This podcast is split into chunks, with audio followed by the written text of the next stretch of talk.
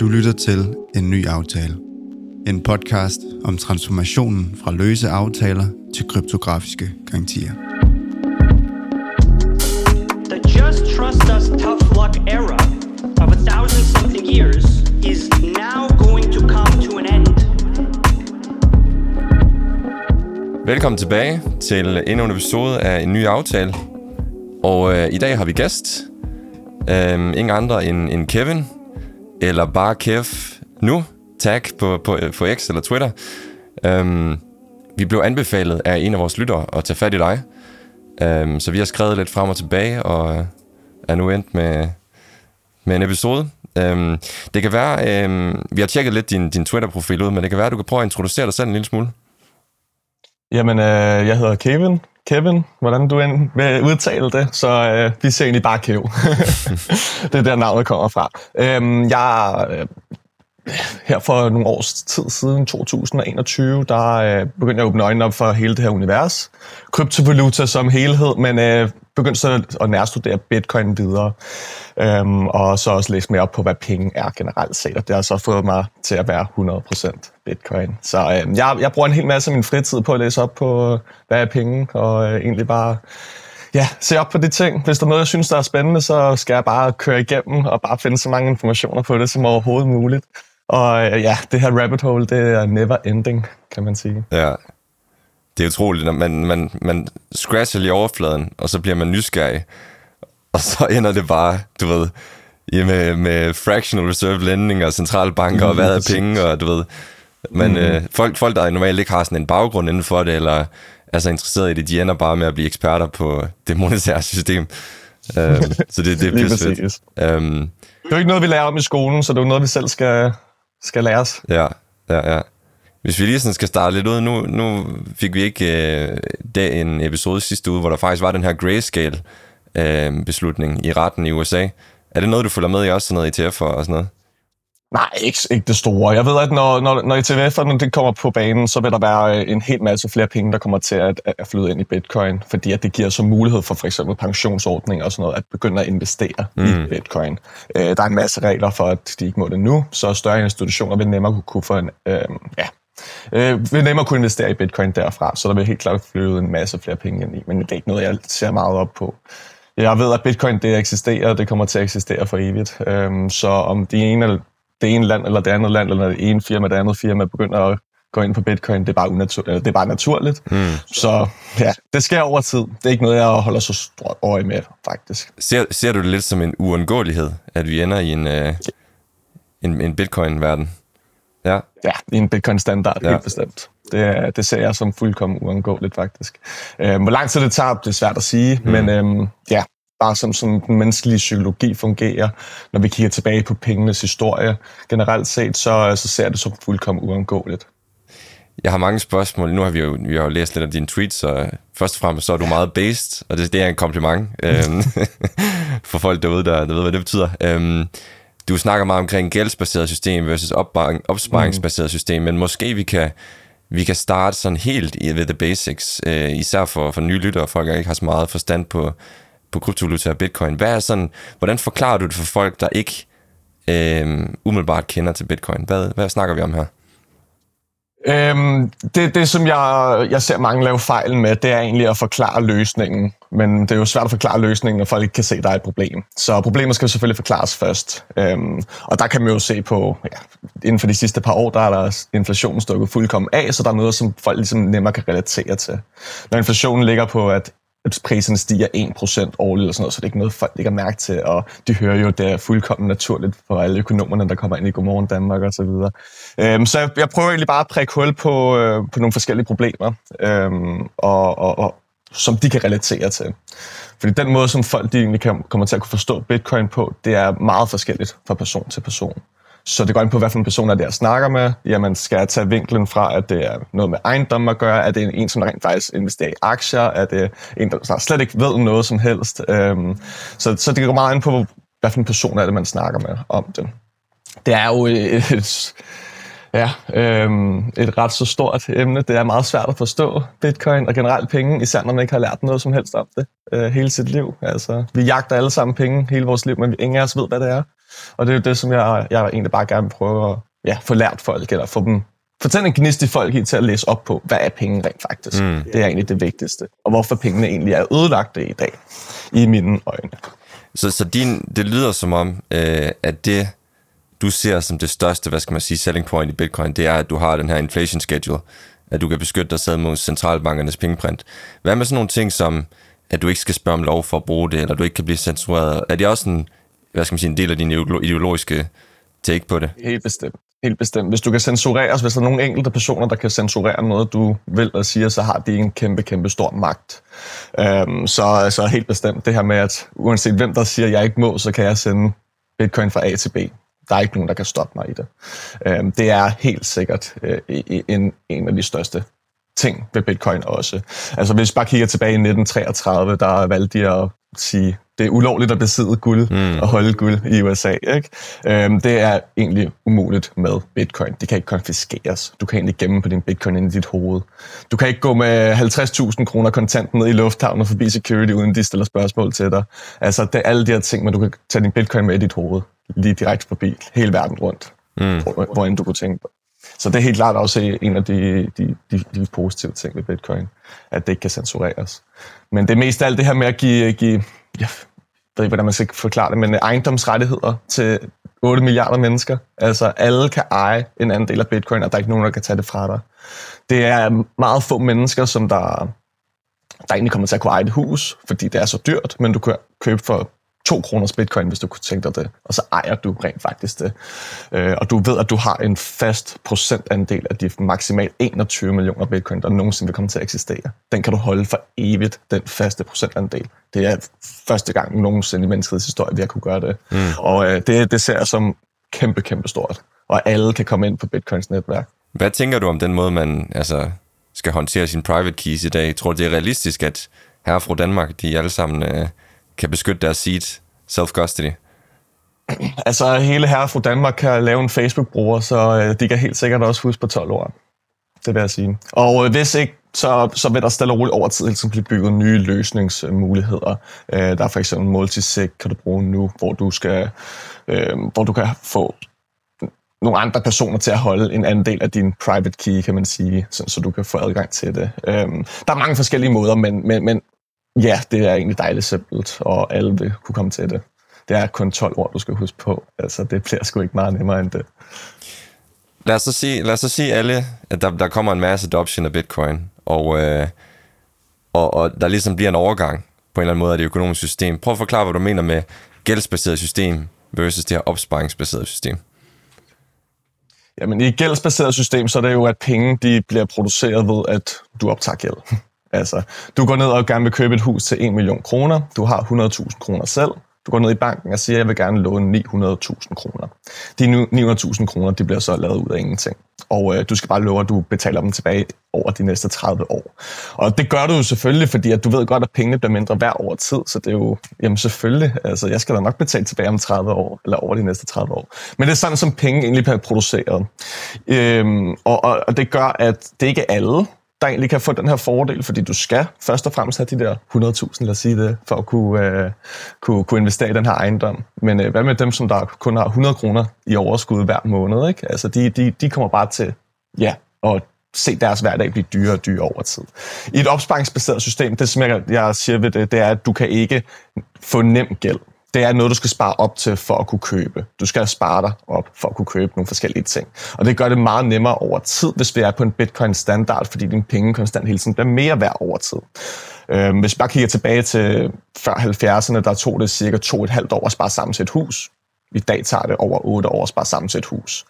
Og øh, det er det her med, at, at når man har bedre penge, som der egentlig vokser mere i værdi over tid, så vil det også være nemmere for dig at kunne spare sammen til forskellige ting. Så det vil ikke kunne tage dig mere end to års tid, lad os sige det, at spare sammen til et hus. Og det kan folk sagtens godt gøre. Øhm, men i det her gældsbaserede system, hvor penge de nemt bliver produceret ud af ja, gæld, så vil der hele tiden blive printet flere og flere penge, og det gør bare, at alle andres penge bliver devalueret over tid. Altså, de mister deres købekraft. Og det gør jo, at alles hverdag bare bliver dyrere og dyrere. Undtagen dem, som der selvfølgelig har investeringer, som rent faktisk ligger deres formue i noget, der ikke bliver produceret procentvis lige så meget af som pengene selv, hvis det giver mening. Altså hvis vi bare ser den største valuta i verden, det er dollaren. Siden 70'erne er der blevet produceret 7% flere dollars årligt. Så hvert år er der 7% flere dollars, der kommer i eksistens. Det vil sige, i mine øjne, at dollaren er faldet med 7% i værdi årligt. Mm. Det er altså over 3.000% flere dollars, der er kommet siden 70'erne. Det er fuldkommen vanvittigt. Der er ikke kommet 3.000% flere ejendomme, mm. så folk lægger selvfølgelig deres penge i ejendommen, da der skal flere af de her penge til at købe den samme ejendom over, over tid. Øhm, og hvis man bare ser på S&P 500, den er steget med 7,40 procent i gennemsnit siden 70'erne. Det vil sige, at den følger stort set bare, hvor mange dollars, der kommer i eksistens. Så i et opsparingsbaseret system, så skal du tænke på det som, at hvis du havde øh, lagt penge til side i S&P 500 siden 70'erne til i dag, det er egentlig den samme købekraft, du vil have, hvis du bare har lagt dine penge til side. Altså din bitcoin til side, lad os sige det. Ja. Øh, hvis der aldrig nogensinde blevet produceret flere dollars siden 70'erne, så vil du bare kunne lægge dine dollars til side. Så er de vokset lige så meget købekraft, som S&P 500 ville have gjort. Så det er egentlig for at fjerne det her, at, at du bliver, det er nødvendigt at skulle investere. Det, det er nødvendigt at, uh, at skulle ris- tage ekstra risiko, bare for at kunne bevare sin købekraft. Det er fuldkommen væk i mine øjne. Altså det mm. gør bare, at vi ser, top 10% bliver rigere og rigere.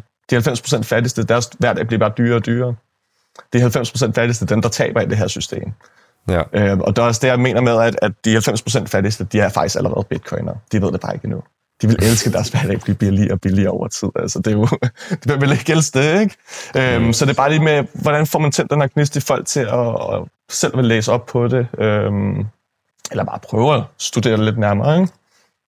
Øhm, så et opsparingsbaseret system, der ser jeg give mere tid tilbage til mennesket. Øhm, fordi inflation, det er ikke andet end tidstyveri i mine øjne. Du skal hele tiden arbejde hårdere for at kunne bevare den samme levestandard. Den måde, det bliver maskeret rigtig, rigtig godt på, det er jo fordi, vi lever med deflationær teknologi. Altså det bliver hele tiden nemmere for os at, øh, at producere ting. Vi skal hele tiden bruge færre timer på at producere de samme ting over tid, fordi teknologien bare bliver bedre og bedre. Den bliver jo ikke mm-hmm. dårlig over tid. Teknologien er jo eksponentielt voksende. Altså, det gik utrolig hurtigt fra, da vi lærte at lave øh, øh, våben, øh, redskaber for 3 millioner år siden, så begyndte vi lige pludselig at finde ilden, og så eskalerede det bare fuldkommen hurtigt. Altså det er ikke mere end 200 år siden, at lokomotiverne blev opfundet. Det er jo øh, det er en eksponentielt voksende teknologi, der bare gør vores hverdag billigere og billigere over tid. Og øh, ja, men det bliver maskeret rigtig godt, når man har de her penge, der egentlig bliver printet så mange flere af. Så maskerer det meget godt, fordi priserne holder sig meget stabilt over tid, men faktisk så burde alle priserne være faldet. Mm alle priser trender mod 0, hvis du prissætter det i noget, hvor at der ikke bliver printet flere penge. Altså hvis du for eksempel prissætter det i bitcoin, så vil din hverdag konstant hele tiden blive billigere. Og det er den her bitcoin-standard, som der vil give utrolig meget mere tid tilbage til, til os mennesker. Det er ikke naturligt, at vi skal bruge for det første en tredjedel af vores liv på at sove. Den næste tredjedel af vores liv skal bruge på at arbejde nærmest, og så har vi lidt tid tilbage. Mm. Altså, vi, vi er gået fra en person tilbage i 50'erne kunne forsørge hele familien, til at vi nu skal være to fuldtidsansatte, som der giver deres børn videre til institutioner, så de kan øh, opfostring. Det er fordi, at vores tid er blevet taget fuldkommen øh, og tyvstjålet gennem inflation og pengeprinteri. Det er hele den her tid, som man får tilbage på en bitcoin-standard. Og, og det vil flere og flere folk indse over tid. Det lyder, øh, det lyder rigtig godt, og jeg er helt igennem enig. Det, det jeg ikke klarer mig at sidde og tænke, det er, at med alt det, du forklarer dig nu, så det giver enormt meget mening at putte sin øh, opsparing i det nuværende system i bitcoin for at beskytte sig selv. Hvis nu alle begynder at gøre det, øh, og man måske endda ser en grad af, hvad man kalder hyper-bitcoinization, altså at der på en eller anden tidspunkt sker det her skift, hvor der bliver en total misten af tidlighed til, til det fiat-system, mm. så tænker jeg jo, vi er jo i et gældsbaseret system lige nu, så det her opsparingssystem, det, det giver, det lyder rigtig godt, men i det her gældsbaserede system, der er det jo netop sådan, at alle penge i omløb, de er skabt ud af gæld, hvorpå der er renter, og derfor er der mere gæld i verden end penge. Og det vil jo i sidste ende ende med et gældskollaps, hvis lige pludselig, at vi ikke længere har den her vækst på grund af inflationen og på grund af for meget forbrug og sådan noget. Øhm, så hvordan ser du egentlig overgangen fra, de her to, fra det ene system til det andet? Øhm, kortvarigt, så vil det være fuldkommen kaotisk øh, fuldkommen kaotisk, hvis vi kommer over på den her hyperbitcoinization, altså en, lad os sige en 10-årig årrække, hvor det bare stormer altså øh, mennesker til bitcoin. Det vil være utroligt kaotisk. Øh, men det er nødvendigt. Det skal være kaotisk kortsigtet, for at vi langsigtet ligesom kan få den her ja, den her gode penge, altså, øh, og den er faktisk mest perfekte form for penge, vi nogensinde har haft. Der skal det være kaotisk kortsigtet, men med langsigtet, så vil vi alle sammen gavne af det. Hvor i det her system, der, der belønner vi ligesom folk kortsigtet, for så lang, give langsigtede konsekvenser. Så det er egentlig en fuldkommen øh, omvending. Men det vil være kaotisk til at starte med, uden tvivl. Mm. Det, det, det giver jo super god mening. Øh, men det er, det er nødvendigt for, at vi kan komme ud af det her ja, korrupte system, vil jeg jo hellere kalde det. Hvis nu vi laver en, en øh, nu er det ikke i forhold til prisen, men i forhold til vores ideologiske tankegang her, en bull case, der hedder, at vi opnår det her opsparingsbaserede system, fordi at alle laver self-custody på deres bitcoin, og det bliver unit of account til folks løn, og når man betaler og alting og sådan noget. En bear case kunne jo også være, at det, der kommer til at ske, det er, at bitcoin bliver adoptet, men det bliver i høj grad igennem ETF'er og ting og sager, og folk får deres bitcoin custody i banker, øh, traditionelle banker og nye slags banker, og at de her banker og custodians, de begynder at lave deres egen IOUs, så de har nogle reserver, der hedder bitcoin, og så laver de deres egen fiat-penge, der er backet af bitcoin, så vi, når, så vi når lidt tilbage til en gold standard, eller måske endda noget fractional reserve. Det kunne jo i princippet også ske, hvor bitcoin bliver adoptet, men det bliver under det traditionelle system. Hvordan ser du, hvordan ser du den mulighed? Altså det her fiat-penge-system øh, og, og, og, og en bitcoin pengesystem. Altså, det er jo to forskellige systemer. Det vil, de vil leve side om side i rigtig, rigtig lang tid i mine øjne. Der er jo ikke nogen, der kan forudsige fremtiden overhovedet. Uh, vi kan sgu kun spekulere i det. Men, uh, men de, de vil leve side om side, så helt bestemt tonsvis af lande vil begynde at bakke deres, uh, deres egen fiat op med bitcoin over tid. Uh, jeg ser måske endda BRICS vil være nogle af de første til at gøre det, hvis mm. USA ikke snart kommer på banen. Uh, de er, har ved at tabe, er ved at tabe det her løb. Men uh, det, det, de, de vil leve side om side side, så det er uundgåeligt. Paper, paper Bitcoin, IOUs, altså, jamen, det er, det er bare vigtigt at, at, at fortælle folk, hvor vigtigheden med at have din egen keys, altså din egen adgang til din egen Bitcoin, det er bare vigtigt. Det her, det her med ETF og sådan, det kommer jo ikke til at være herre fra Danmark, som vi snakker om tidligere, der kommer til at investere i dem. Det er i hvert fald det, som jeg gerne vil undgå, at de gør. Det er mere institutioner, som der begynder at investere i det. Hmm. Bitcoin er et åbent netværk, så øh, de her ETF'er, de bliver jo så også nødt til at skulle øh, vise til offentligheden at verificere, at de rent faktisk holder de bitcoin, de gør. Og det vil meget, meget nemt for dem at gøre. Så, så der vil, hvis de ikke verificerer deres egen beholdning, jamen, der vil sikkert komme nogle regler omkring det over tid også. Um, så det, det er det smukke ved at have et åbent netværk. Der er ikke nogen, der kan verificere, hvor meget guld folk har som, uh, som reserver. Altså, det er utrolig svært, fordi at alt guld det bliver opbevaret et sted, men så rettigheden til guldet det bliver bare kastet rundt til højre og venstre, hvor med bitcoin, der kan du bare verificere, om du har adressen, hvor du har beholdning af bitcoin. Øhm, så, så jeg ser det egentlig ikke som så stort et problem. Det vil selvfølgelig være i nogle cases, men øhm, overordnet set, så, så ser jeg ikke noget problem i det. Hvad med sådan noget som, øh, sådan noget som at, at få det skalerbart og med fees og alting? Ved du, hvordan det står til med Lightning Network og andre skaleringsløsninger på Bitcoin? Øh, hvad tænker du med, hvordan det står til? Jeg har aldrig selv prøvet at bruge Lightning Network. Jeg ved ikke, hvor nemt det er. Jeg ved ikke Nej. Øh, faktisk, hvad fees er, eller noget som helst. Øh, mm. Er det noget, du har erfaring Altså, øh, øh, ja, Lightning Network, det er jo, du kan jo downloade en app nu, og så kan du egentlig benytte dig af det. Øh, jeg kan også med det samme sende Bitcoin fra A til B til dig. Øh, lige her med det samme på ja, under et sekund, hvis det endelig skulle være. Øh, feesene, de ligger på de der 0,003-agtigt. Øh, procent cirka. Men så hvis der er nogen, der har en Lightning Channel, så kan de lige vælge at, at, at have lidt flere fees på det, fordi det skaber en nemmere løsning. Så generelt set, så ligger feesene på de der 0,003 øh, procent, men folk kan egentlig tage, hvad de har lyst til. Så det er egentlig et konkurrencemarked, kan man næsten sige. Øh, så, så hvem kan konkurrere om at have de laveste fees overhovedet? Selv Lightning-netværket, det er jo helt i sin start. Altså, der, jeg tror, der ligger 6.000 bitcoin låst i Lightning-netværket lige pt. Så det er jo nærmest ingenting. Det er stadig mange millioner mm. kroners værdi. Men, øhm, men det er jo klart det mest spændende projekt, ja, jeg vil næsten sige i hele verden. Altså øhm, det her Lightning-netværk, og hvad det kommer til at, at, at kunne udvikle sig til at blive. For du kan jo også bygge oven på Lightning-netværket. Du kan jo også have løsninger, der hedder... Hvis vi bare ser butikker i dag, der har taget imod Visa og Mastercard, de betaler 2,5% i gebyr hver transaktion. Hvis de uh, inkorporerer Lightning-netværket, så vil de altså komme ned på basalt set 0% i gebyrer. Det vil sige, at de har en klart større fortjeneste. Den måde, du kan egentlig øh, bruge Lightning-netværket på, det er, at du der kan, du kan lave en løsning, der hedder, du, øh, der er aldrig nogensinde nogen, der kommer til at holde bitcoinene, men de bruger egentlig bare bitcoin-netværket til at flytte penge. Det vil sige, at jeg kunne gå ned i Netto, betalt med danske kroner. Det bliver omdannet til bitcoin på Lightning-netværket, sendt over til butikken og omdannet tilbage til den danske krone. Ingen af os har rørt bitcoin, men øh, vi har egentlig bare udnyttet Lightning-netværket. Så nogle løsninger kan der bygges på det også. Så folk behøver slet ikke at røre ved bitcoin, hvis det endelig skulle være. De kan egentlig bare ja, øh, få gavn af det her Lightning-netværk. Der, der er tonsvis af, af forskellige løsninger, der, der kan give, men øh, alt i alt så ser det hele kun som positivt. Øh, og der er jo flere forskellige løsninger, der kan blive bygget oven på bitcoin. Det er jo en protokol, Altså, det, alle kan frit bygge, hvad de har lyst til. Øh, om folk de tager det til sig, ej, det, det må det frie marked om. Men øh, jeg synes i hvert fald, Lightning, der er klart det, øh, et af de mest spændende, spændende ting, der sker. Uden Vi har jo lidt set i Bitcoin, at, at folk har bygget, hvad, hvad kalder man dem, ordinals. Øh, jeg kan ikke huske, hvad projektet bag det hed. Mm. Men det her med at inscribe noget for at lave NFT'er på Bitcoin, der så vi jo faktisk en del af Bitcoin-communityet sådan lidt blive sure over, at det blev congested af, af spekulation i NFT'er, og prøvede på en eller anden måde at se, om man kunne censurere det på en eller anden måde. Er du, er du bare fortæller for det, at de skal have lov at bygge, hvad de vil? Det er frit marked. Det er lige præcis. Så øh, den måde, øh, Bitcoin-netværket fungerer på, hvis der er stor efterspørgsel, så stiger fisene bare. Og øh, det så man hurtigt med den her ordinals-fase, at øh, ja, det gik hurtigt ned og pakke igen.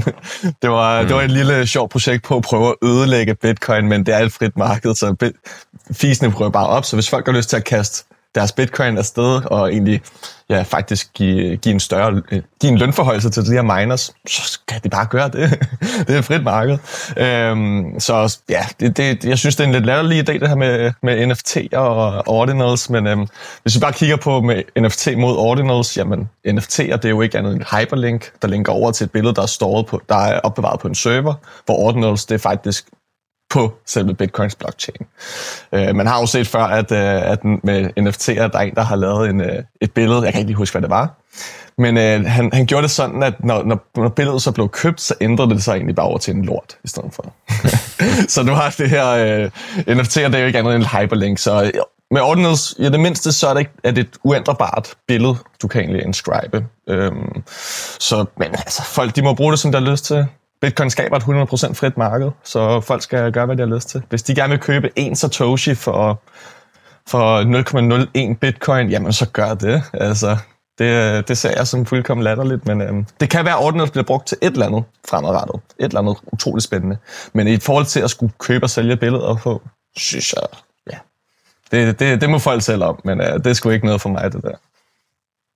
Lige i forhold til de her ordinals NFT'er er jeg jo i princippet lidt, lidt enig, men i den her, det her opsparingsbaserede system, den her verden, vi visualiserer her, der øh, nu er navnet på podcasten jo en ny aftale, og det er fordi, vi snakker meget om det her med at tage de properties, du har i for eksempel Bitcoin, den her censorship resistance, immutability, øh, osv. osv., og kunne tage de security properties, og så apply det til for eksempel at bytte. Så lad os sige, at du er i en fremtid, at, at Bitcoin er penge, og du vil gerne købe en aktie i en virksomhed det at kunne lave den transaktion med samme trustless assumptions, som du har i en almindelig Bitcoin-transaktion, er jo interessant. Og det kræver, hvad man på andre netværker kalder smart contracts. Hvordan ser du, hvordan ser du den, den i forhold til, hvis du, hvis, hvis du er sådan en Bitcoin maximalist, ser du det så noget, der bliver bygget oven på Bitcoin, eller hvad, hvad ser du der? Øh, jeg mener allerede, det er ved at blive bygget, ja. Noget øh, i, i den stil. Øh, det, jeg har ikke øh, helt holdt mig op på det, men når der er noget, der hedder Liquid Bitcoin, LBTC, der er blevet bygget om på Liquid øh, net, netværk oven på Bitcoin. Og der mener jeg faktisk, det er deres, øh, at de vil prøve at gå den retning med det, den måde, de bygger det på. Øh, ja, så, så at benytte sig af et andet netværk til det, det virker hovedløst i mine øjne, fordi at man skal have det sikreste netværk i eksistens. Det er Bitcoins netværk, det er det sikreste computernetværk i eksistens. Og det, det er derfor, at alting bare burde blive bygget oven på Bitcoin, og det er også derfor, at alting bliver bygget oven på Bitcoin. Det, det er vel i mine øjne fuldkommen hovedløst at bruge noget som Ethereum til at bygge ting ovenpå. Når du har, øh, for det første, da Ethereums netværk gik live, der blev 70% af alle Ethereum pre-mined. Altså som de her Ethereum founders, de egentlig bare holdt selv og solgt lidt ud af til private investorer. De nu går over på Proof of Stake, som der egentlig bare uundgåeligt over tid vil blive mere og mere centraliseret. Da du køber en anden del af netværket, og du, jo større andel du køber, jo mere øh, hvad hedder det, kan du egentlig styre over netværket. Og når du har nogle founders, der har pre 70% af det, nu går over på Proof of Stake, så vil det bare ende i mere og mere centralisering over tid. Øhm, hvor det ikke er muligt med proof of work. Og ja, jeg, jeg ser egentlig Ethereum som en kæmpe scam, så byg, byg noget oven på det. Det er som at bygge et, øh, et hus på sand. Altså, heller bygge det på beton, ikke? Ved du, øh, hvad, hvordan fordelingen af miners i bitcoin er lige nu? Uh, nej. Nej. Jeg ved, der er nogle større mining pools, som der er, uh, hvor, hvor folk egentlig går en del miner gennem de pools i stedet for. Uh, og jeg ved også godt, hvis der er, uh, hvis de har lyst, så kan de altid skifte over til en anden pool. Og det bedste vil helt klart være at fordele poolsene mere og mere over tid. Og det er egentlig meget hurtigt at kunne forløse det. Så hvis der er nogle mining pools, der egentlig øh, ja, gør et eller andet, som de ikke burde, eller et eller andet, så, så kan folk nemt skifte videre hen. Øh, men alt i alt så er det egentlig nodesene, der bestemmer over, hvordan ja, øh, netværket det skal fungere. Og, og de her nodes er egentlig distribueret på tonsvis af computer rundt omkring i verden, som alle sammen, de holder jo selv bitcoin, og at de vil jo ikke ændre på pengepolitikken. Det er jo dumt at ændre på en pengepolitik, der gør, at din formue bliver devalueret over tid. Så du har et incitament til bare at holde reglerne kørende. Det, jeg så plejer at sammenligne det lidt med et spil poker. Altså de her notes, de, øh, det er lidt ligesom et spil poker. Alle ved, hvordan poker det fungerer, eller hvis kender til poker, har spillet det før. Hvis der er nogen, der rundt om bordet lige pludselig hiver en joker frem og lægger den på bordet, så tænker folk, hvad du har gang i, smider dem ud, og så spiller man ellers poker videre. Du kan ikke bare lave om i reglerne. Jo, så kan du lave din egen fork af bitcoin, og så lave det. And then you can fork off, ikke? Um, og, men, så, så den her faste pengepolitik, den kommer til at være der for evigt, og det er egentlig det, som der er mening med bitcoin. At du har en sikkerhed for, at du ved præcis, hvor mange bitcoin, der vil eksistere om, om fem måneder, fem år, fem årtier, 500 år. Du ved præcis, hvor mange øh, bitcoin, der vil eksistere. Den her sikkerhed har vi aldrig nogensinde haft før. Du aner ikke, hvor mange Ethereum, der kommer til at eksistere om fem måneder, om fem år, om ti år, fordi at reglerne de hele tiden ændrer sig for det. Øhm, så, så det hele den her faste pengepolitik, øhm, det, det er, ja, det er, jeg vil næsten sige, at det er, det er en af de vigtigste opdagelser, vi nogensinde har gjort. Det er at selve bitcoin i sig selv. At give rettigheder til 8 milliarder mennesker, eller hvor mange vi nu end kommer til at blive fremadrettet. Det er det, er det smukke ved bitcoin, at folk kan have en sikkerhed i, at de ved med med, med sikkerhed, at de har en fast procentandel af alle bitcoin, der nogensinde kommer til at eksistere. For evigt, hvis de kunne tænke sig det. For evigt kan de have den faste procentandel. Det kan du ikke have med den danske krone. Hvis du har 10 kroner i dag, din procentandel af de 10 kroner, den falder hele tiden over tid, fordi det bliver produceret flere kroner og øre. Øhm, det er den her sikkerhed, som Bitcoins netværk det giver, og ja, som sagt, det smukke ved det er, at det er en protokol, som man kan bygge uendeligt mængder af ting oven på bitcoin. Over tid så ser man nok også flere og flere folk begynder at opbevare deres bitcoin faktisk på Lightning-netværket i stedet for at bruge base layer, og base layer bliver mere sådan til større transaktioner over tid. Øhm, men først og fremmest så skal Lightning-netværket lige blive mere og mere forstærket. Og det er det med protokoller, der bliver forstærket over tid, og så bygger du så videre. Det er også sådan, vi har internettet i dag. Altså, Bitcoin skal lidt sammenlignes med TCP/IP, hvor så ovenpå, der er jo så bygget internettet. Så Bitcoin-netværket bliver forstærket over tid. Det er det sikreste computernetværk i eksistens. Alle mennesker leder efter sikkerhed, så folk kommer også til at lægge deres formue over i Bitcoin stille roligt over tid. Jeg, øh, jeg er meget enig i, at Bitcoin er det mest sikre netværk lige nu. Men jeg kan også godt blive lidt bekymret for, om udviklingen øh, går hurtigt nok i forhold til at bygge nogle af de her ting ovenpå. Hvad, hvad ser du, hvad vil invalidere, unvalidate, hvad siger man, øh, invalidere din, din tese? Altså, hvad nu hvis for eksempel, at, at Ethereum blev sådan mass adopted af, af TradFi og, og øh, altså enterprise handel generelt, eller hvad nu hvis Ethereum, den flippede Bitcoin på market cap, eller er der sådan nogle ting, der vil, er der et eller andet scenarie, der vil invalidere din tese om, at Bitcoin bliver det dominerende netværk for, for alting? Overhovedet ikke. Det, det ser det fuldkommen som øh, uundgåeligt, at bitcoin forbliver nummer et. Øh, der er aldrig nogensinde noget, der kommer til at overstige bitcoin. Fordi som sagt, folk leder efter det sikreste computernetværk i eksistens. Og når du har øh, et proof of stake netværk, som er for eksempel Ethereum, øh, så, så det vil uundgåeligt ende i mere censur, fordi at, ja, øh, det har vi også selv set med, med mange af deres transaktioner, der bliver egentlig censureret over tid. Øhm, øh, folk de kommer ikke til at skulle lægge deres formue over i noget, som der egentlig ikke kræver energi at producere vil jeg hellere, hellere forklare det som. Øh, jeg, jeg, jeg mener ikke, at jeg kan finde på en eneste ting i den her verden, der har holdt sin, sin værdi, eller holdt sin, øh, sin købekraft, eller stedig købekraft, som der ikke er blevet lavet ved at blive, øh, gennem energi. Altså, giver det mening? Du skal bruge energi til at producere noget, der kan holde sin værdi over tid. Du kan ikke bare producere noget ved at trykke på en knap, som for eksempel når du staker Ethereum. Så, øh, så bliver det ikke produceret igennem ved brug af energi, så det vil falde i værdi over tid. Det er også derfor, guld har holdt sin værdi så meget, fordi der skal bruges en hel del kapital, utrolig meget energi på at kunne producere det og, og forfine det og transportere det og alt det her. Så der er egentlig en helt, alt den her energi, der er blevet brugt til at skulle producere det, det er det, der også bakker værdien op af det. Og, og jeg ser, alting ting skal produceres ved brug af energi, før det kan holde sin værdi over tid. Og ja, som vi ved, alle bitcoin i nogensinde eksistens er blevet produceret ved brug af energi ved, ved, igennem mining, og det vil det fortsætte med. Du kan ikke producere dem ved bare at holde på bitcoin. Det er umuligt. Det, jeg kan blive lidt bekymret for, øh, det er det her med, at, at altså hvis vi skal sammenligne bitcoin og ethereum, at du så ligesom har et eller andet security budget i bitcoin ved, at der er fees, der bliver genereret, og så har du et halvening, der gør, at den her block reward, den falder, øh, som i sidste ende trender mod 0. Nu ved jeg ikke, det er selvfølgelig om 150 år eller et eller andet. Øhm, men at der skal jo være nok aktivitet på netværket for, øh, at der er betaling til miners, for der er nok øh, mining, og derfor nok sikkerhed. Hvor lige nu er, vil jeg jo sige, måske Ethereum er foran i ræset om, om, om fees, der bliver genereret. Du ved, de har været hurtige til at implementere den teknologi, der gør kontrakter mulige og alting, hvilket gør, at deres netværk faktisk lige nu er deflationært, fordi der er den her burn på alle de fees, der bliver betalt. Hvor på Bitcoin, der er lidt den her overhead af de her block rewards, der skal sælges. Er det lidt... Ved du måde omkring... Altså, jeg kan godt være bange for... Jeg, jeg forstår 100% hvad du siger, men jeg kan godt være bange for, at Bitcoin-udviklingen bare ikke går hurtigt nok. Øhm, ved du, hvordan det ser Hvor mange, der arbejder på Bitcoin, hvor mange, der arbejder på de her øhm, liquid øh, og ting og sager? Øh, absolut ikke. Øhm, Bitcoin er egentlig penge. Det er det, som det skal over tid blive. Og for at noget bliver penge, så skal det først være en værdiopbevarelse. Og øh, ting går ikke igennem med at bare blive et betalingsmiddel, og så et værdiopbevarelse. Det kommer der aldrig nogensinde til at blive. Så det skal først være en værdiopbevarelse. Bitcoin har potentialet til at opsluge over 50% af al værdi, vi har i verden, i hele verden. Altså vi snakker ejendomsværdi, dollarsværdi, alt det her. Og lige nu ligger det altså kun på 0,05% af al den her værdi i verden. Så øh, stille og roligt over tid, så, som jeg har set ved hver harving, så, øh, så begynder efterspørgelsen på bitcoin at stige. Vi ser kun at øh, flere og flere adresser med over 0,01 bitcoin. Det stiger også konstant hele tiden. Øhm, jeg mener lige nu, så er der 12 millioner adresser med over 0,01 bitcoin. Øhm, det er en ny all-time high, der lige er kommet, og det stiger kun det her antal adresser.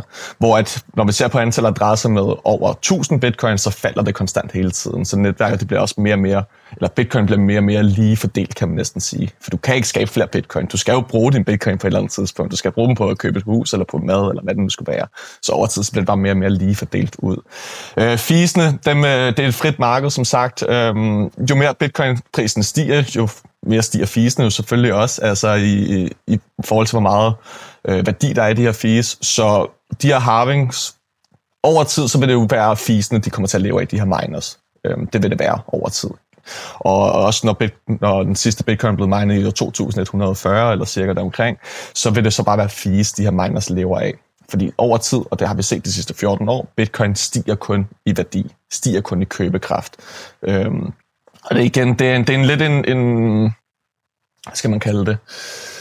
Øh, en selvopfyldende profeti, vil jeg næsten kalde det, fordi at investorer, de leder efter sikkerhed. Bitcoin er det sikreste computernetværk i eksistens. Så flere og flere investorer vil komme ind på Bitcoin. Det vil så gøre, at prisen for Bitcoin stiger.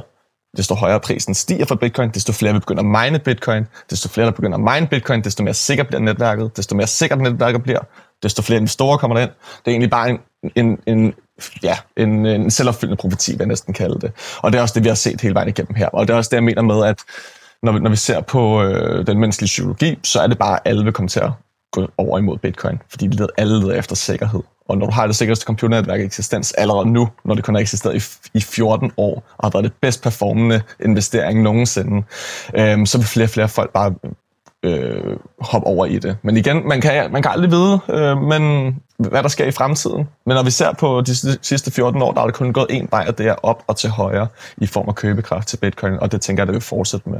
Lige nu så er det 900 bitcoin, der bliver minet om dagen. Det vil sige, der skal købes for 900 bitcoin om dagen, som der så går over i self-custody. Ikke?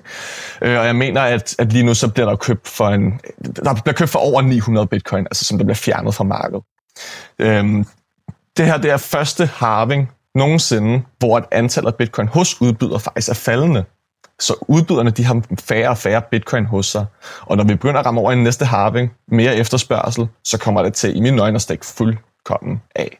Øhm, fordi ja, desto mindre udbud, desto højere efterspørgsel, ja, desto højere bliver prisen selvfølgelig også.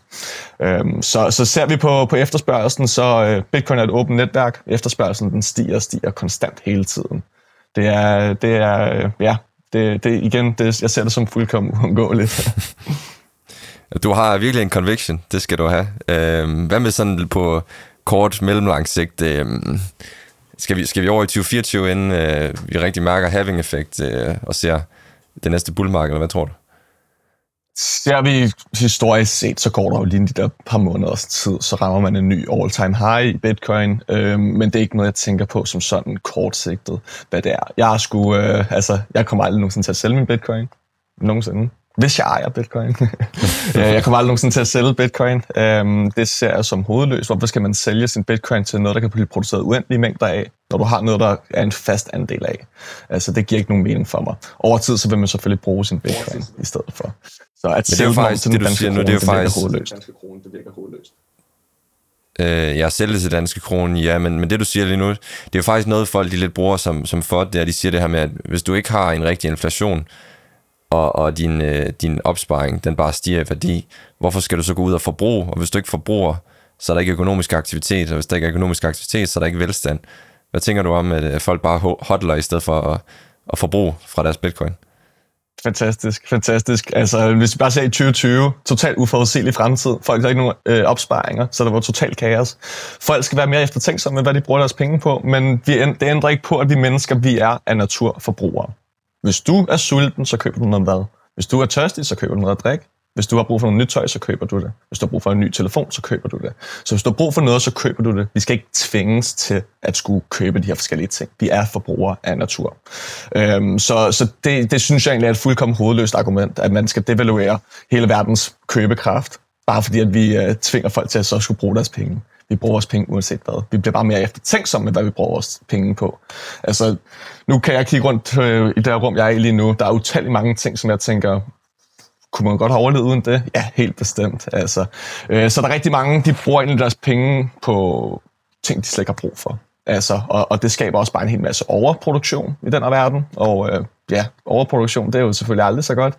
Øhm, så, så når man nedsætter den her overproduktion, man faktisk giver folk deres købekraft tilbage, så har de også mere tid til at gøre, hvad de har lyst til. Det er bare et, øh, en, ja, i mine øjne en meget smukkere verden, man kommer over i, når man øh, kommer væk fra det her med at tvinges til at skulle bruge penge.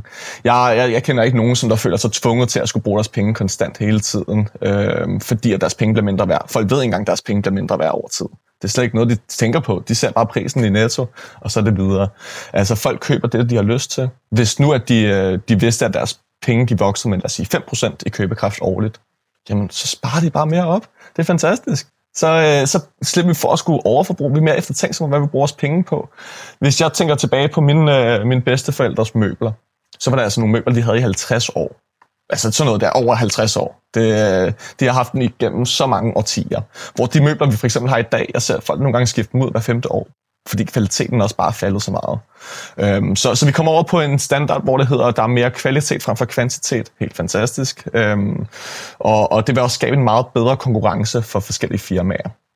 Det handler om at skabe det bedste kvalitetsprodukt nogensinde i stedet for bare at skabe kvantitet, at spytte produkter ud, som der egentlig ikke er af højeste kvalitet. Så det skaber et rigtig stort, øh, hvad hedder det, et, et, e, e, et, en stor konkurrence for de her øh, selskaber. Hvem kan få folk til at bruge deres bitcoin på deres produkt? Og det gør bare, al kvalitet det bare stiger over tid.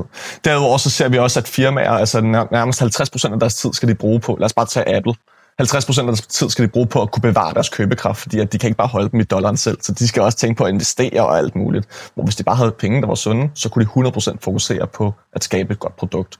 Og det vil altså også bare igen presse priserne længere og længere ned. Så øh, jeg, jeg ser det som hovedløst argument, det der med, at vi skal have 2% inflation, og hvor kommer det 2% tal overhovedet fra? Det er bare noget, de har trukket op ud af hatten. Altså. Øh, det er fuldkommen hovedløst at sige, at vi skal have inflation for folk, der de bruger deres penge. Der er ikke nogen, der vil gå sultne i seng fordi deres penge stiger i købekraft. Nej, folk køber noget mad, hvis de er sultne. Køber noget nyt tøj, hvis det går i stykker. Altså, det, er, det ser som hovedløst, det der med, at vi, vi skal have inflation. Det er ikke andet end tyveri. Rent og skært tidstyveri i mine øjne.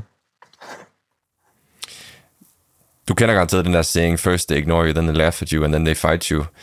Hvor er vi henne nu? Har de kapituleret, øh, hvad skal man sige, establishment, eller, eller er der en kamp forud? Ah, kæmpe kamp forud, uden tvivl. Øhm, men øh, folk de kan som sagt de kan helt frit vælge, hvad for et system det er, de vil begynde at opbevare deres værdi i. Om de vil opbevare det i et monetært system, som der devalueres over tid, altså hvor din købekraft bliver forringet, eller et monetært system, hvor din købekraft stiger over tid. Det er 100% frit marked. Det er, øh, jeg tror, det er det, der, der er grunden til, at der bliver fremskyndet rigtig meget med digitale penge, altså den digitale krone. Det tænker jeg også, I har snakket om før på det her podcast, CBDC'er. Øhm, jeg tænker det er derfor, at hele den her proces er begyndt at blive fremskyndet, fordi at de, øh, de ryster lidt i bukserne. Og øh, når, de, når de ligesom, hvis de kan få etableret CBDC'er som en, en standard, det tror jeg aldrig nogensinde kommer til at ske. Altså ser vi bare på Nigeria, deres øh, e-valuta dernede, det skaber totalt kæmpe kaos og stor, stor efterspørgsel efter bitcoin. Så jeg ser egentlig, at... Øh, men, men lad os sige, at vi lige pludselig var på en CBDC-standard, så kunne de bestemme med det samme. Du kan ikke sende penge til øh, den her børs for at kunne få bitcoin for dem i stedet for. Men øh, folk vil hele tiden finde på forskellige måder at kunne skaffe bitcoin, så, så køber de en græslådmaskine, og så sælger de den græslådmaskine for bitcoin i stedet for. Altså. Men øh, jeg, jeg ser det egentlig aldrig ske. Det er, vi, jeg tror, vi er i angrebsfasen, eller det tænker jeg helt bestemt, vi er, når vi ser på alle nyheder. Alle de siger, at bitcoin det brænder jordkloden af, og jeg ved ikke hvad. Øh, men øh, og når vi ser på Lars Rode, vores tidligere nationalbankdirektør, han, øh, han sagde tilbage i 2017, at bitcoin det er livsfarligt. Det okay. er simpelthen et quote, han sagde. Bitcoin er livsfarligt. Det synes jeg er lidt, øh, lidt vanvittigt at sige. Øhm, Nordea, de, de, har, de har stadig bandlyst alle deres øh, ansatte om at kunne købe bitcoin. Det må de ikke. De må ikke købe bitcoin. Det er en regel hos Nordea. Det er også fuldkommen vanvittigt. Altså, folk må skulle gerne bevare deres købekraft, fordi de har lyst til det. De skal ikke tvinges til, at, skulle, øh, at deres hverdag skal blive dyrere og dyrere. Men vi er allerede i den der angrebsfase, vil jeg helt klart sige. Øhm, men som vi ser med netværket, det vokser så kun større og større. Det er lidt en virus på det her system, og den spreder sig fuldkommen, og flere og flere mennesker kommer hopper til. Og det er også derfor, jeg gør, som jeg gør, laver de her videoer gør for ligesom at skabe lidt mere opmærksomhed til det, for folk til lige at tænke en ekstra gang om, hvad er penge overhovedet? Er inflation overhovedet nødvendigt? Alt det her forskellige. Øh, og ja, som sagt, netværket kun vokset så større. Det er aldrig blevet mindre over tid. Det er kun større og større, så det er uundgåeligt. Første land, El Salvador, har allerede gjort det til officielt betalingsmiddel, og det har været en kæmpe succes nede hos dem. Altså deres turisme er steget med 100%. De har betalt hele deres gæld af til USA. Øhm, det har så ikke noget med bitcoin at gøre, måske en lille anden del, men selv kriminaliteten er faldet med 95 procent dernede. Og øh, det er over 90 procent af befolkningen, der gerne vil have ham her, øh, Nayib Bukele, som præsident igen. De vil gerne genvælge ham. Det er den største, øh, hvad hedder det, jeg tror, det var på 95 procent af befolkningen gerne vil beholde ham som præsident. Det er det største nogensinde. Altså, der er så stor øh, tiltro til en præsident. Så øh, det spreder sig stille og roligt over tid. Flere og flere lande vil begynde at hoppe med på det. Og øh, lad os sige, at Danmark fuldkommen gør altså, bitcoin ulovligt at bruge. Det ændrer ikke på faktum, at jeg kan sende bitcoin fra A til B.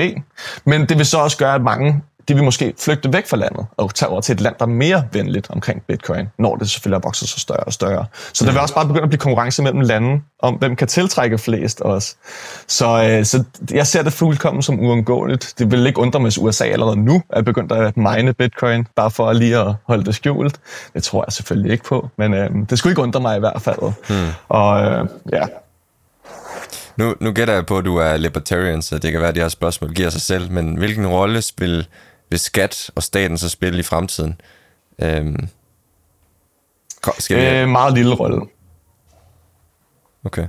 En utrolig lille rolle. Øhm, og det er også det. Grunden til, at vi ligesom har beskatninger og så videre, det er fordi, vi har nogen, der har forsøgt at monopolisere pengene. Når du har monopoliseret pengene, så har du også magten. For hvis du styrer pengene, så har du magten. For det er det, som befolkningen ligesom benytter sig af. Så det er du fjerner muligheden for, at de kan printe penge, så fjerner du også magten til dem, så det bliver mindre og mindre over tid. Jeg ser en fremtid, hvor vi lever ikke, at det er et helt land, der bestemmer reglerne for et land, men det er ligesom mere kommuner. Så kan folk gå fra den ene til kommune til den anden kommune, og så har man egentlig bare nogle regler derfra. Det er det, jeg ser en bitcoin-standard som blive. Altså per definition, så er skat tyveri. Hvis du ikke betaler din skat, så rører du i fængsel. Det er tyveri. Du skal betale det. Du kan ikke, øh, du kan ikke øh, fra, frasige dig det. Så det er tvang. Og den her tvang, den bliver også stille og roligt fjernet over tid, når, øh, når de har mindre og mindre magt til at uh, kunne råde over pengene. Så bitcoin, det vil egentlig bare ændre verden til det bedre. Uh, jeg ser det som en naturlig overgang, som der... Uh, på en bitcoin-standard, så vil verden gå i den helt naturlige overgang, som der er bedst for hele menneskeheden. Det er sådan, som jeg ser det. Fordi det giver det her incitament til bare at hjælpe hinanden hele tiden. Det giver et incitament til ikke at stjæle, men til at, at gøre noget godt for andre mennesker. Øhm, så, så jeg, ser, øh, jeg ser det som en smuk, smuk verden, hvor at, øh, der bliver betalt mindre skat over tid, og det er, det er lidt mere sådan et sammenhold, kan man sige. Og øh, der er jo heller ikke nogen grund til at skulle betale skat over tid, hvis din købekraft stiger over tid, og priserne falder over tid. Altså, så, så er der ikke det her øh, med at ah, hvis vi betaler skat, sådan, så vi kan hjælpe alle andre. Jamen, vi kan også bare hjælpe alle andre ved at bare få deres købekraft til at stige. Så når de har brug for at bruge deres penge på, lad os sige, at de skulle på hospitalet eller noget, jamen så har de allerede værdien i det. Øhm, jeg ser altid, at ja, der kommer nok altid til at være en form for skat i forhold til med sygevæsenet og så videre. Øh, sådan nogle forskellige ting. Men øh, de der 50% skat, vi betaler i dag, det, det, det, det, det sigter mod 0 over tid. Desto mindre magt de har over pengene. Det vil jeg helt klart sige. Conviction, optimisme og vision, synes jeg øh, præger den her episode, og øh, jeg tænker, vi skal til at runde af. Øh, hvordan, hvordan anbefaler du folk at holde sig opdateret på, hvad der sker med bitcoin og, og markedet? Jeg tænker, så har du nogle golden nuggets i forhold til at... Der er selvfølgelig din Twitter, din X-profil. Hvad, hvad, hvad for nogle ressourcer bruger du ellers? Og altså, Twitter, det er et fantastisk redskab, eller X hedder det nu, jeg skal lige vende mig til det der. Øhm, fantastisk redskab, fordi at, og det er det egentlig generelt med alt, hvis du har brug for nogle nyheder. Om det er jo op i fodbold, så er Twitter et fantastisk redskab. Fordi det tager egentlig nyheder direkte fra the source, øh, direkte fra kilden, og så forkorter de det. Og så kan du selv lige læse mere op på nyheden, hvis det er. Så du får egentlig bare skrumpet alle nyheder ned inde på Twitter, hvis du følger de rigtige personer selvfølgelig. Ikke? Hvis du gerne vil lære om håndbold, så skulle du ikke følge nogen, der fortæller om fodbold selvfølgelig. Men øhm, der er en utrolig mange forskellige, øhm, og, og, og det smukke ved Bitcoin er også bare, at, at der er ikke én forklaring på det alle folk har deres præcis egen måde at forklare, hvad bitcoin er. Nogle har mere fokus på tid. Jeg, jeg vil sige, jeg fokuserer meget på det her tidsaspekt med at give folk deres tid tilbage. Nogle fokuserer rigtig meget på energisektoren omkring bitcoin. Der er rigtig mange forskellige. Men øh, ja, Twitter, fantastisk sted. Øh, YouTube, uden tvivl. Der er en masse også der. Og så selvfølgelig hold dig fra at følge alle de her øh, kryptovaluta-brugere. Øh, Øh, og så hold dig til rent og skær fokusere på bitcoin, fordi at øh, alt andet det vil trend mod 0, det er det, vi har set historisk set. Alt andet end bitcoin vil trende mod 0, når man prissætter det i bitcoin. Altså Ethereum sidste all-time high var i 2017, hvis man prissætter det i bitcoin. XRP's sidste all-time high var i 2018, hvis man prissætter det i bitcoin. Så alt det trender egentlig bare mod 0 prissætter i bitcoin, så hvorfor ikke bare fokusere på det? Stop gambleriet. Lad os sige, at øh, bitcoin fuldkommen fejler, hypotetisk set. Bitcoin fejler, så vil der aldrig nogensinde være noget, der kommer til at kunne ændre pengene. Fordi alt troen til at kunne fjerne magten fra øh, fiat penge, den er fuldkommen faldet til jorden. Der er ikke noget, der vil, ind, der vil øh, overgå bitcoin. Der er ikke, det vil aldrig nogensinde kunne, øh, kunne løse det her kæmpe problem, pengeproblem, vi har, hvis bitcoin fejler. Så alt tiltro til en digital, decentraliseret form for penge, det er fuldkommen faldet til jorden. Så fokuser på én ting, fokuser på at ændre pengene, det vil ændre verden, og verden vil kun blive bedre på en bitcoin-standard. Men som sagt, øh, Twitter, øh, fantastisk sted at bruge, øh, hvis du ikke allerede gør det.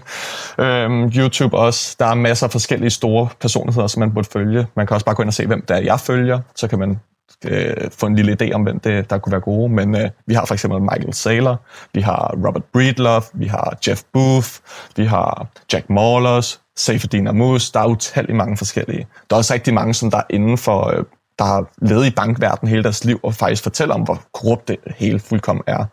Øhm, og der, der er bare utalligt, utalligt mange mennesker.